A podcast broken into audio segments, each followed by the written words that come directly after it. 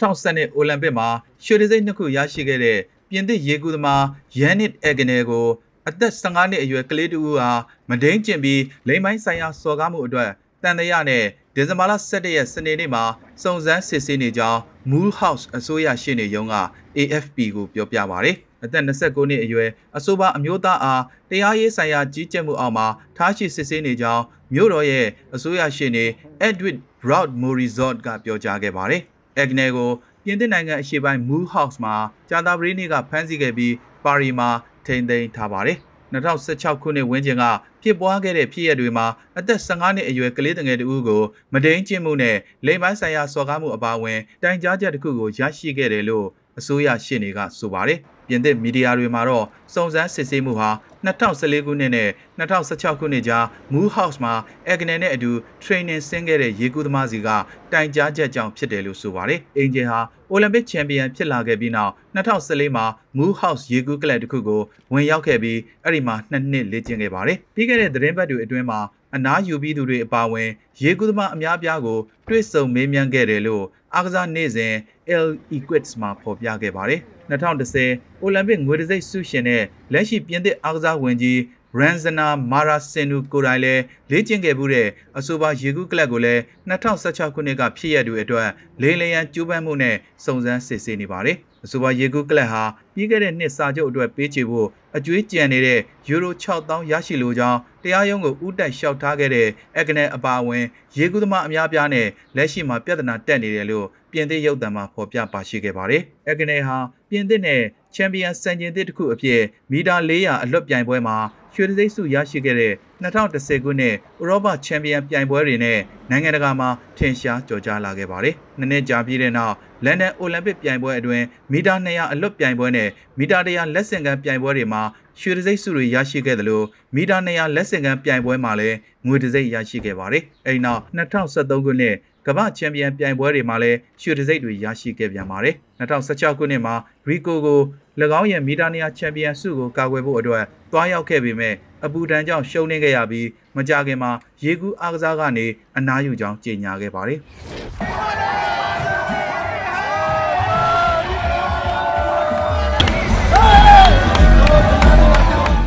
ဆိုရရဲ့စိုက်ပျိုးရေးမူဝါဒတွေကိုစန့်ကျင်ကန့်ကွက်တဲ့နှစ်ရှည်လာများဆန္ဒပြမှုကိုအဆုံးသတ်လိုက်ပြီးတဲ့နောက်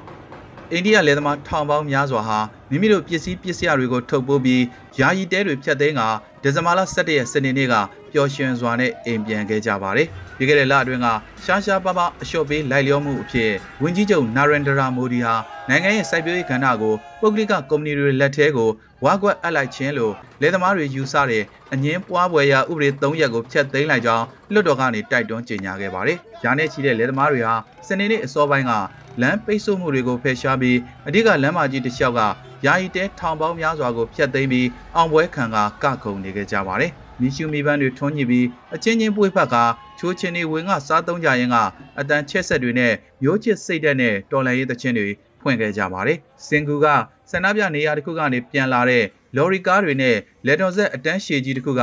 ၎င်းတို့ရဲ့မွေးရမြေဖြစ်တဲ့ဟာယာနာနဲ့ပန်ချက်ပြည်နယ်တွေရှိရာမြောက်ပိုင်းစီကိုဥတီသွားနေတာကြောင့်အဝေးပြေးလမ်းမကြီးတစ်လျှောက်ပြည့်ကျက်နေပါတယ်။ အိန္ဒိယမှာလယ်သမားတွေရဲ့နိုင်ငံရေးအရာရေးပါမှုဟာ၎င်းတို့ရဲ့များပြားလာတဲ့အရေးအတွက်ကြောင့်အင်အားကြီးမားပါတယ်။2020ခုနှစ်နိုဝင်ဘာလကစတင်ခဲ့တဲ့ထောင်ပေါင်းများစွာသောလယ်သမားတွေရဲ့လေယာမြေဥပဒေစန့်ကျင်ရေးဆန္ဒပြမှုဟာမိုဒီအစိုးရအတွက်အာဏာရလာခြင်းကတည်းကရင်ဆိုင်ခဲ့ရတဲ့အကြီးမားဆုံးစိန်ခေါ်မှုတစ်ခုဖြစ်ပါတယ်။ဘီਸਰਕਾਰ ਨੇ ਸਾਡੀਆਂ ਮੰਗਾਂ ਮਾਲੀਆਂ ਜੀ ਬਹੁਤ ਖੁਸ਼ ਹਾਂ ਅਸੀਂ မရမချင်းဆန္ဒပြသွားဖို့ကျုပ်တို့ဆုံးဖြတ်ထားတာအခုလိုအစိုးရဘက်က ကျုပ်တို့တောင်းဆိုမှုတွေကိုလက်ခံပြီးနေရက်ပြန်လာရတာကိုပြောပါတယ်လို့စင်ကူဆန္ဒပြသူတူဖြစ်တဲ့စာဒီဘင်ဒါဆင်က AFP ကိုပြောပြပါဗျ။ကျုပ်တို့လယ်သမားတွေအေးအေးချမ်းချမ်းနဲ့အခုလိုနေရက်ပြန်နိုင်ပြီဖြစ်တဲ့အတွက်ဒီနေ့ကလယ်သမားတွေအတွက်နေတူးနေမြက်ကြီးပါပဲလို့၎င်းကဆက်ပြောပါတယ်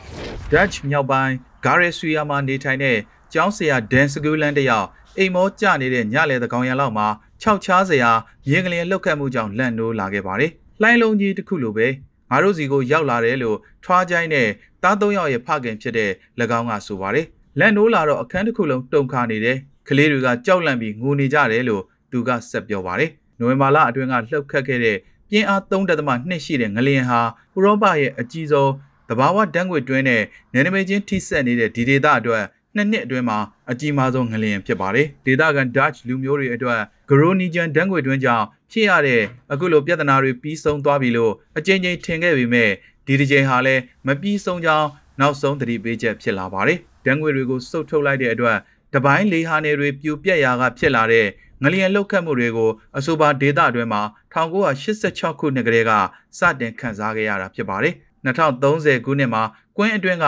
ဓာတ်ငွေပိုင်ငုတ်တွေကိုပိတ်ပစ်တော့မယ်လို့ပြီးခဲ့တဲ့နှစ်ကအစိုးရရဲ့ကြီးညာချက်ကိုစကူးလန်နဲ့အတူဒေသခံတွေကကြိုဆိုခဲ့ကြပါတယ်။အဲ့ဒီနောက်ပိုင်း2022ခုနှစ်နှစ်ကုန်ပိုင်းအထိတက်တန်းလျှော့ချလိုက်တဲ့အတွက်စကူးလန်အဖို့ပို့ပြီးရင်အေးစေခဲ့ပါတယ်။ဒီအတော်တွင်နယ်သာလန်အစိုးရဟာနေအိမ်တွေကိုငလျင်တန်းခံနိုင်အောင်ကူညီပေးဖို့နဲ့ပျက်စီးမှုတွေကိုရောကြေးပေးဖို့ဆိုပြီးကော်မရှင်နှစ်ရက်ဖွဲ့စည်းတာဝန်ပေးခဲ့ပါတယ်။ဒါပေမဲ့စကူးလန်အတွက်တက်တာရမှုကတာရှည်မခံခဲ့ပါဘူး။ ပြီးခဲ့တဲ့လကငလျင်လုတ်ခတ်ပြီးမကြာမီမှာအစိုးရရဲ့ထိတ်တန်းတပ်ထုတူဖို့ရေးအရာရှိကငလျင်တွေစက်တိုက်လုတ်ခတ်အောင်မှာဖြစ်ကြောင်းသတိပေးချက်ထုတ်ပြန်ခဲ့ပါတယ်။တန်ငွေထုတ်လုပ်မှုကိုအခုချက်ချင်းရက်လိုက်ရင်တော့ငလျင်လှုပ်မှုတွေဆက်ပြီးဖြစ်နေအောင်မှာပဲလို့ Dutch တန်ငွေမိုင်းတွင်းဆိုင်ရာစစ်စေးရေးအရာရှိချုပ် Theodore Kogel Kuran ကဆိုပါတယ်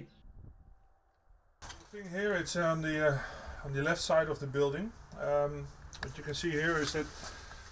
ကျွန်တော်တို့ခံမှန်းချက်အရဂရိုနင်ဂျန်ဒေတာအောက်ကပျော့ပြောင်းတဲ့မြေလွှာမှာအပိသက်အခြေချဖို့အတွက်ဆယ်စုနှစ်အနည်းငယ်လောက်စောင့်ရအောင်မယ်လို့၎င်းက AFP ကိုပြောပြပါတယ် uh, by earthquakes or not. ဒီဇင်ဘာလ12ရက်တနင်္ဂနွေနေ့မနက်အစောပိုင်းကအီတလီနိုင်ငံတောင်ပိုင်း ယဝန်နူဆာမြို့မှာအစာအုပ်အတော်များများပြိုကျခဲ့တဲ့အတွက်လူ3ဦးထပ်မံသေဆုံးပြီး6ဦးထပ်မံပျောက်ဆုံးနေတယ်လို့စစ်စလီကျွန်းမြို့ပြကာကွယ်ရေးဌာနကဆိုပါတယ်လူနှစ်ဦးကိုကယ်ဆယ်နိုင်ခဲ့ပြီးပျောက်ဆုံးနေသူတွေထဲမှာကလေးအရွယ်တွေမပါဝင်ကြောင်းတနင်္ဂနွေနေ့က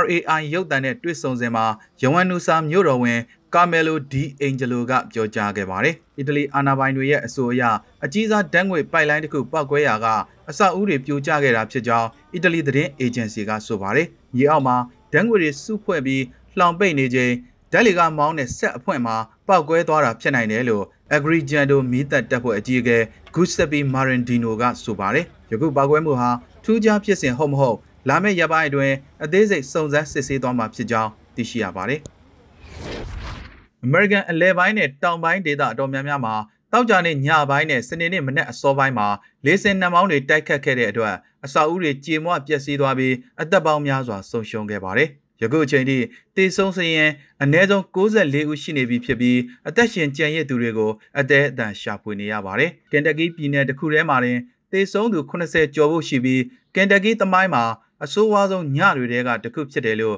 ပြည်နယ်အုပ်ချုပ်ရေးမှူးကဆိုပါတယ်။အဆိုးဝါးဆုံးမှုန်တိုင်းတန်တဲ့နေရာတွေထဲမှာ ကင်တက်ကီပြည်နယ်ကဖျောင်းနိုင်ဆက်ယုံအီလီနွိုက်ပြည်နယ်ကအမေဇုန်ဂိုတောင်အာကန်ဆက်ပြည်နယ်ကဘိုးဘွားရိပ်သားတွေပါဝင်ခဲ့ပါတယ်မစ်ဇူရီတန်နက်စီနဲ့မစ်ဇစ်စပီအပါအဝင်ပြည်နယ်6ခုမှာလေးစင်နိုင်မောင်းအလုံး30ကျော်တိုက်ခတ်ခဲ့တယ်လို့ဆိုပါတယ်အာကန်ဆက်ကနေကင်တက်ကီအထိမိုင်250ကျော်ထိတိုက်ခတ်ခဲ့တဲ့အားပြင်းလေးစင်နံမောင်းဟာလမ်းကြောင်းအရှိဆုံးဖြစ်တယ်လို့မိုးစလပညာရှင်တွေကဆိုပါတယ် မြင်မှုသမျှထဲမှာအဖြက်စွမ်းအကြီးဆုံးလေးစင်နံမောင်းပဲလို့ကန်တက်ကီပြည်နယ်အုပ်ချုပ်ရေးမှူးအန်ဒီဘက်ရှီယာကဆိုပါတယ်ပျက်စီးမှုအများဆုံးနေရာကတော့ကင်တက်ကီအနောက်တောင်ပိုင်းကမေဖီမြို့ဖြစ်ပြီးတောက်ကြနေညပိုင်းကမေဖီ Consumer Products ရဲ့ဖျောင်းနိုင်စက်ယုံကိုဝန်ထမ်းဥယေ130ဝန်းကျင်အလုတ်ဆင်းနေချိန်မှာလေဆန်နံမောင်းတိုက်ခတ်ခံခဲ့ရတာဖြစ်ပါတယ်။